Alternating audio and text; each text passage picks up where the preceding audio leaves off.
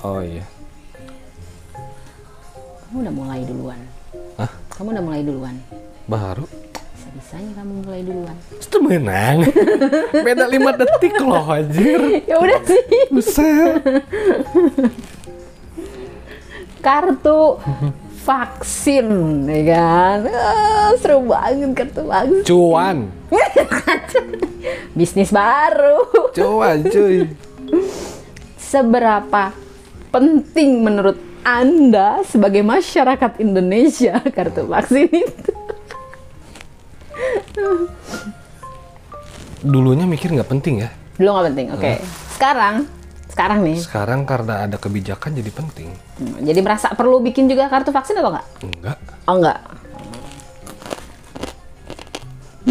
Karena kan kartu vaksin itu sekarang udah jadi hmm, persyaratan untuk pergi-pergi keluar, bahkan sampai masuk ke mall pun harus ada si kartu vaksin. Itu udah So, menjadi oksigen kedua buat manusia. oke. Aku udah udah udah berpikir dari cukup lama. Vaksin ini seakan-akan jadi seperti syarat hidup manusia. Yes, that's right. Lu pengen hidup di bumi, lu harus punya vaksin. Lu nggak punya vaksin, nggak akan bisa hidup. Udah jadi oksigen kedua, kalau menurut aku. Bawa. Kayak di film-film apa sih gini kan? Di- Kayak di film-film luar negeri tuh, Hmm. yang orang nggak bisa Berarti sebenarnya kita udah di spoiler ya sama si film-film itu. Iya, ya ramalan-ramalan sebagian besar di film-film memang udah ada. Mereka pun udah nggak bego-bego amat, mereka udah ngebaca ke depannya seperti apa. Para pengamat, Tahu nggak data apa aja yang ada di si kartu vaksin itu? enggak, Nggak. nggak tahu.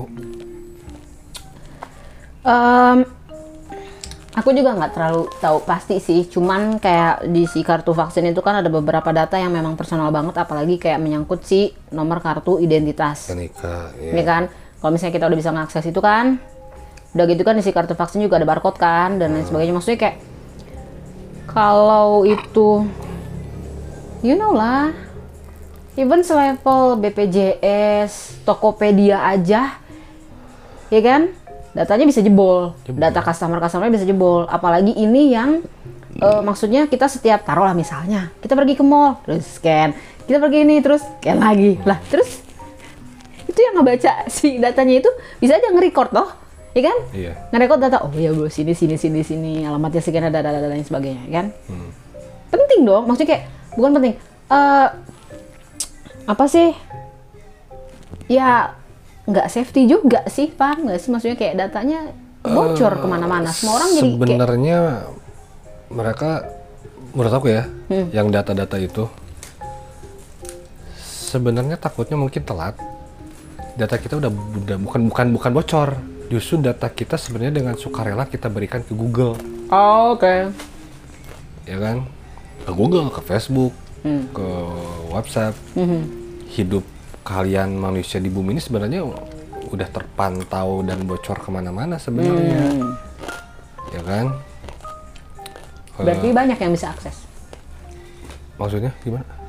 Banyak yang bisa. banyak yang bisa akses si data-data itu kalau misalnya ya taruhlah kayak itu tadi maksudnya udah masuk ke Google, udah masuk ke Facebook, udah masuk ke bla bla. Banyak dong yang bisa Banyak. akses. Siapa pun apalagi yang mengerti banget sama si teknologi gimana cara Kalian install. TikTok bisa daftar dengan Facebook kan?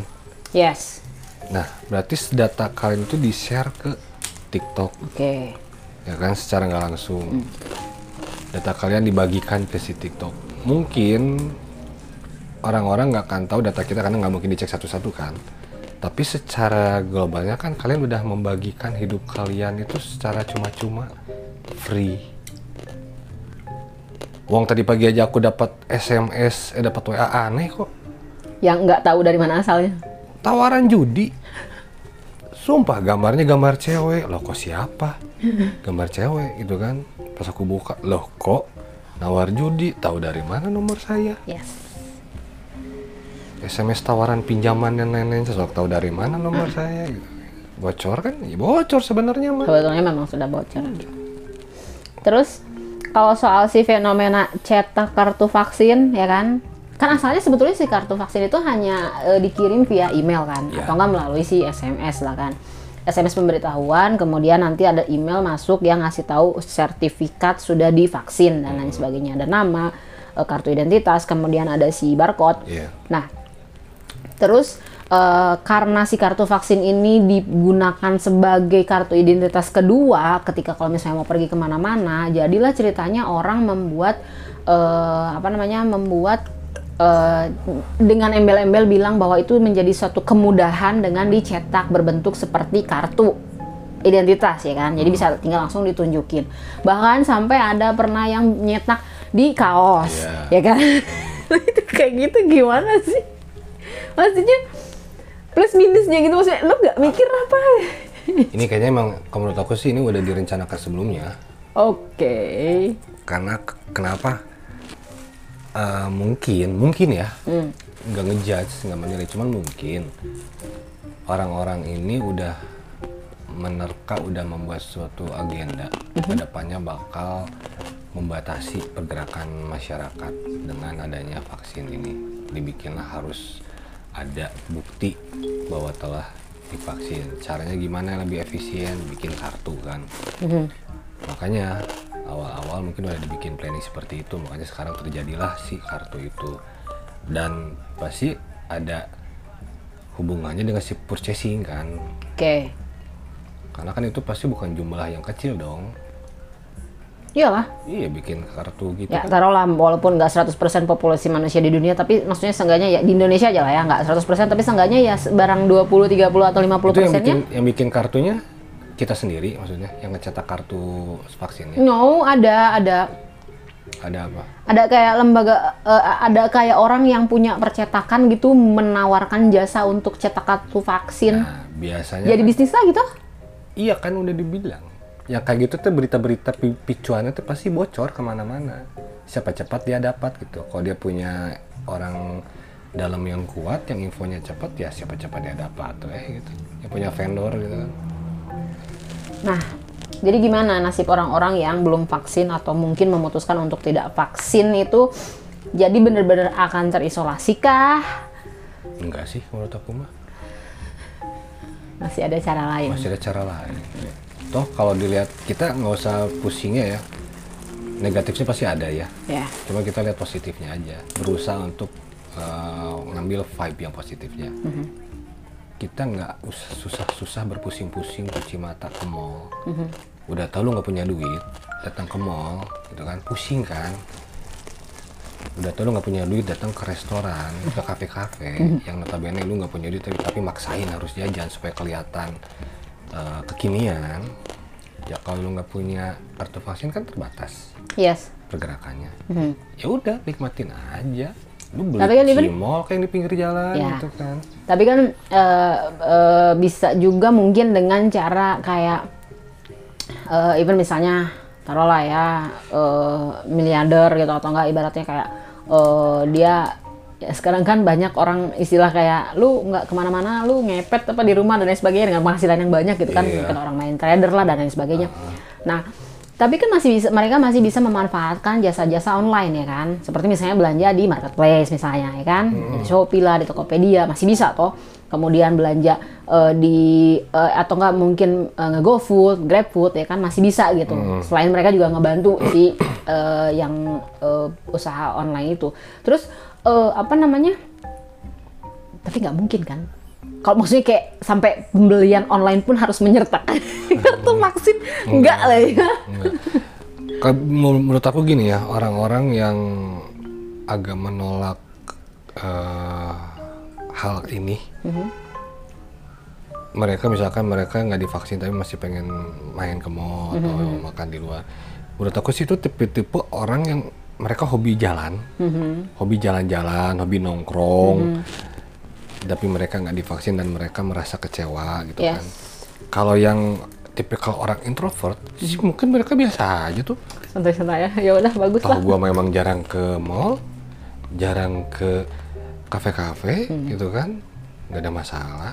Mungkin yang mereka-mereka yang kebingungan ini adalah mereka orang-orang yang yang udah terbiasa Hmm. mendapat hiburannya tuh di Ya, mall, ya. gitu kan. Bikin aja gitu keluar ya Iya. sih ke mana aja. Heeh, gitu kan. Ya belajar kreatif aja. apalagi kalau di saat kayak gini kan untuk yang udah berkeluarga bisa semakin mempererat sebenarnya ya lebih me- ya komunikasi lah ini kan Mm-mm. terus bukankah si vaksin ini harusnya jadi sebuah hak asasi manusia ya. Ya nggak sih? Maksudnya kayak lu mau divaksin atau enggak itu adalah hak lu.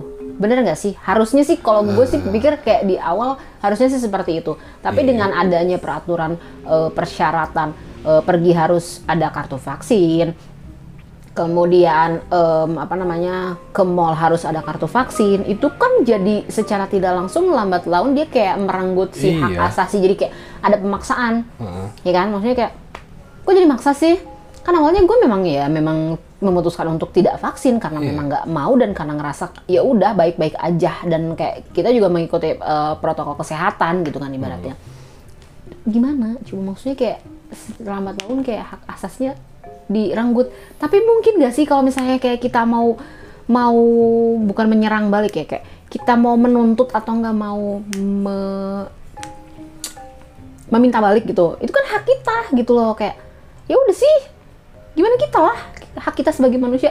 Mungkin gak sih maksudnya kalau hal itu kayak dipermasalahkan sampai di ya sorry ya lebaynya mungkin disidangkan gitu. Sebentar itu kan hak asasi sebagai manusia. Disidangkan masih mending ya. Ini kalau udah dikasih hukuman secara sosial hmm, yang ibarat kata gini lu mau disalahin gara-gara di RT lu ada yang meninggal gara-gara kamu nggak divaksin. Bisa jadi kamu yang jadi eh, tersangkanya karena kamu nggak divaksin. Ya ya ya ya. Ya kan? Mm-mm. wah kalau udah kayak gitu menurut aku goblok banget sih menurut aku mah ya kalau misalnya mau digali pun kasarnya ya gitu. Maksudnya kayak digali ya belum tentu dari gue juga. Bisa jadi kan maksudnya kayak dia dapat dari yang lain dan lain sebagainya gitu tapi kan. kan masyarakat sekarang tuh emang luar biasa ya pemikirannya ya tuh ya. gitu. mereka langsung akan ngejudge ke oh lu nggak vaksin berarti lu gitu aku jujur ya aku dari kecil nggak pernah tuh vaksin polio TBC karena dari kecil selalu takut jarum suntik. Hmm, nggak ada bekasnya di apa di lengan kanan sama kiri bekas suntikan.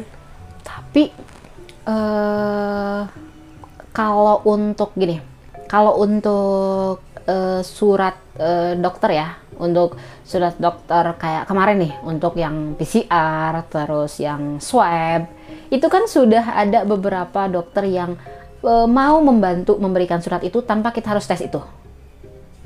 Nah, kalau untuk si vaksin ini sendiri, mungkin nggak akan ada yang seperti itu juga. Maksudnya kayak, yaudah, lo nggak usah inian vaksin, tapi gue kasih aja gitu.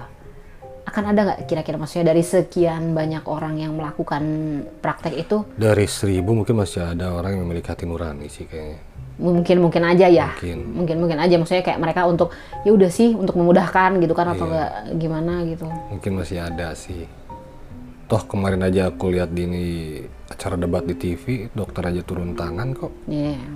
membela masyarakat karena emang udah mulai udah mulai nggak masuk akal gitu ke sini ke sininya Aturannya itu dokter sendiri loh makin ngaco. Kata dokter aduh, udah lu udah terlalu lebay anjir bikin peraturannya udah udah udah. ibaratnya sekarang eh, masyarakat divaksin bukan karena kesehatan Hmm. maunya tuh karena nggak mau dipersulit administrasi Iya. hmm. bukan karena mau dan takut karena si virus ya bu Enggak, ha. tapi memang karena terpaksa aturannya dan harus seperti itu. Kayak, ya gue harus bekerja, gue harus mencari eh, nafkah. Terus eh, syaratnya gue harus divaksin dulu. Ya udah, gitu kan ibaratnya berarti. kayak di film-film aja kalau orang yang yang di bawah dan orang yang di atas Eh. ya kan ada tuh film-film kan Hmm. Yang di kalangan atas itu hanya untuk orang-orang apa yang di kalangan bawah yang gelap yang kumuh itu tuh orang-orang apa kesannya udah kayak gitu sekarang Hmm. Nah, berarti si vaksin sendiri ini pun bukan solusi. Enggak, menurut aku. dia emang ada konspirasi dari awalnya aja menurut aku mah mau dibilang-bilang enggak ya emang Bisnis lah ya. Intinya ke bisnis. toh bocoran-bocoran di YouTube aja udah banyak kok gitu kan Sudah berapa banyak orang Tapi- yang ditangkap tapi untuk karena aku sendiri sih nggak masalah untuk orang yang divaksin atau nggak divaksin ya itu pilihan mereka aja saling menghargai aja gitu kan Hmm. Iya. jangan sampai ada perpecahan karena ada beberapa orang yang tadinya temanan tiba-tiba jadi clash gara-gara vaksin dan tidak vaksin Jadi mereka jatuhnya kayak maksa gitu paham gak sih? Ya orang-orang terdekatnya juga ya lu vaksin dong. lu nggak sayang sama orang di rumah lu nggak kayak gitu ya kan